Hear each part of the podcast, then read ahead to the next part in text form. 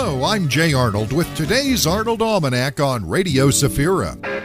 1971, the Rolling Stones Hot Rocks 1964 to 1971 album is released by London ABKCO. The two record compilation is by far the Rolling Stones' best selling album of their 60s material and has endured on the Billboard album charts for over 420 weeks, selling over 6 million copies. Jobs alive from 9 to 5, my main man. 1973, multi talented singer songwriter actor Bobby Darin, 37, dies in Los Angeles following seven hours of heart surgery. It was Darin's second open heart surgery less than three years after having two valves inserted. Earlier in the year, Darin enjoyed a comeback as host of his own TV variety hour. Only you know and I know. 2002, Delaney and Bonnie reunite on stage for the first time since 1973 during their daughter Becca Bramlett's concert at the 3rd and Lindsley in Nashville. In recent years, Becca has performed in Mick Fleetwood's various projects. DJ J.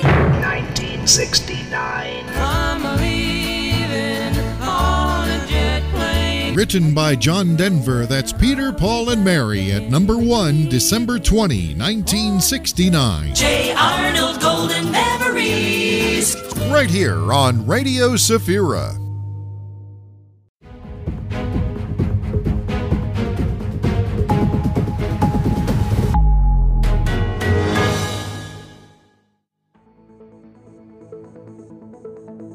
Well, we've finally seen it. According to a European ranking, Poland is one of the happiest countries in Europe. It will be interesting to see how the Vatican's decision, which opens the door to church blessings for same sex couples, will influence this. Catholics in Canada are already in the minority, a fact lamented by Cardinal Gérald Lacroix, while in Majorca, the Assemblies of God are investing in real estate. What is your true attitude towards celebrating Christmas? More on this and other matters in today's news service. Stay tuned. This year, the Noble Parcel charity delivered a record amount of aid worth nearly 74 million zlotys, marking a significant increase compared to the previous year. The programme supported over 17,000 families across Poland, including many children and seniors. Most beneficiaries were families struggling with diseases or disabilities. Over 12,000 volunteers were involved in the initiative, with the total number of people engaged exceeding 700,000. Despite the difficult economic situation, Poles showed immense solidarity, enthusiastically highlighted by the programme's organisers. The Vatican's Dicastery for the Doctrine of the Faith announced the declaration Fiducia Supplicans, allowing blessings for irregular couples, including same sex couples, provided that they avoid rituals resembling marriage. Such a blessing does not imply acceptance of the relationship, and the doctrine on marriage remains unchanged. The document emphasises the difference between liturgical blessings and less formal ones, the latter of which can be given to people living in ways not in accordance with Christian moral doctrine. Fiducia Supplicans expands the understanding of blessings based on Pope Francis's pastoral vision, yet without altering the Church's traditional teaching on marriage. Cardinal Gérald Lacroix of Quebec notes a radical change in the Church's role in Canada, where the country is no longer recognised as Christian, and schools and society do not support the transmission of faith. He emphasises the need for conversion, focusing on the role of families and parishes in religious education. The contemporary church in Canada, according to the Cardinal, resembles the Church of Apostolic times small but committed. On the occasion of the 350 year anniversary of the Diocese of Quebec, Lacroix highlights its historical significance, including its impact on education, healthcare, and the preservation of heritage sites. The Peace Light of Bethlehem, a symbol of peace and brotherhood, continues its journey around the world. After arriving in Poland over a week ago, the light appeared in Rome. In the Italian capital, at the Capitol, a special ceremony was held, during which the flame was distributed to many Italian towns. This year's edition is unique because, for the first time, the fire was lit by a Palestinian girl, Pilla Jaraise. This initiative, an important sign for many, aims to spread the message of peace and brotherhood in line with the ideals of the founder of Scouting, Baden Powell. Scouts from Ukraine also participated in the event in Rome. In Majorca, the grand opening of the new building of the Centre Cristia de Mallorca Church took place, which has about 1,500 members. The new four story building is equipped with classrooms, a kitchen, and a chapel. The inauguration was graced by the presence of local authorities and leaders of the religious community. During the event, Senior Pastor Daniel Rodriguez delivered an inspiring message referring to the rich history of evangelization and social service of the Assemblies of God. The new facility symbolises a significant step forward for the church and its commitment to the community life in Mallorca. Scientists from the Peter MacCallum Cancer Centre in Australia have published promising research results in Nature Medicine on the treatment of colorectal cancer.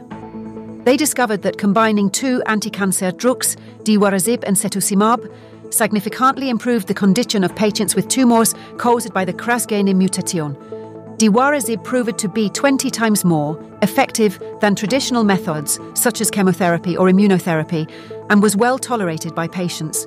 In the latest report from the European Statistical Office, Poland took second place in the ranking of the happiest countries in Europe, sharing the position with Romania and Finland.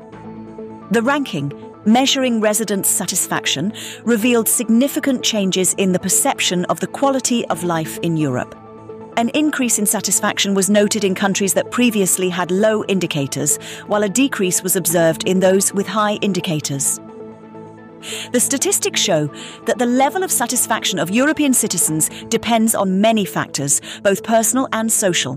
The celebration of Christmas is often associated with excessive spending on food and gifts. Sometimes we get lost in the hustle and bustle of shopping and cooking. While there is nothing wrong with gifts and good food, it's worth remembering the humble conditions in which Jesus was born. Christmas is primarily a moment that reminds us of the possibility of a different, better reality. It's a time when we can reflect on our spiritual journey and the changes we can make in our lives, following in the footsteps of Jesus. Following Jesus, the refugee, the judge, the suffering, and the resurrected, we become more sensitive to the needs of others, understanding and hopeful the true message of these holidays is an invitation to reflect on how close Jesus is to us and how we can open ourselves to the changes his presence brings. Then Christmas becomes not just an annual custom, but a deep spiritual experience leading to renewal and true joy. This was the news service of Safira Radio. We're glad you're with us. May God bless us all.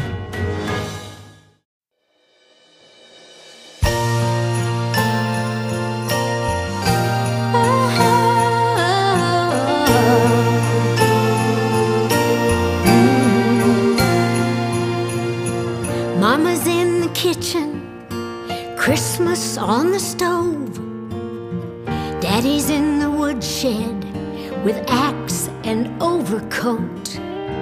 Everybody's helping to place and trim the tree. The picture's almost perfect. It's only missing me. But I'm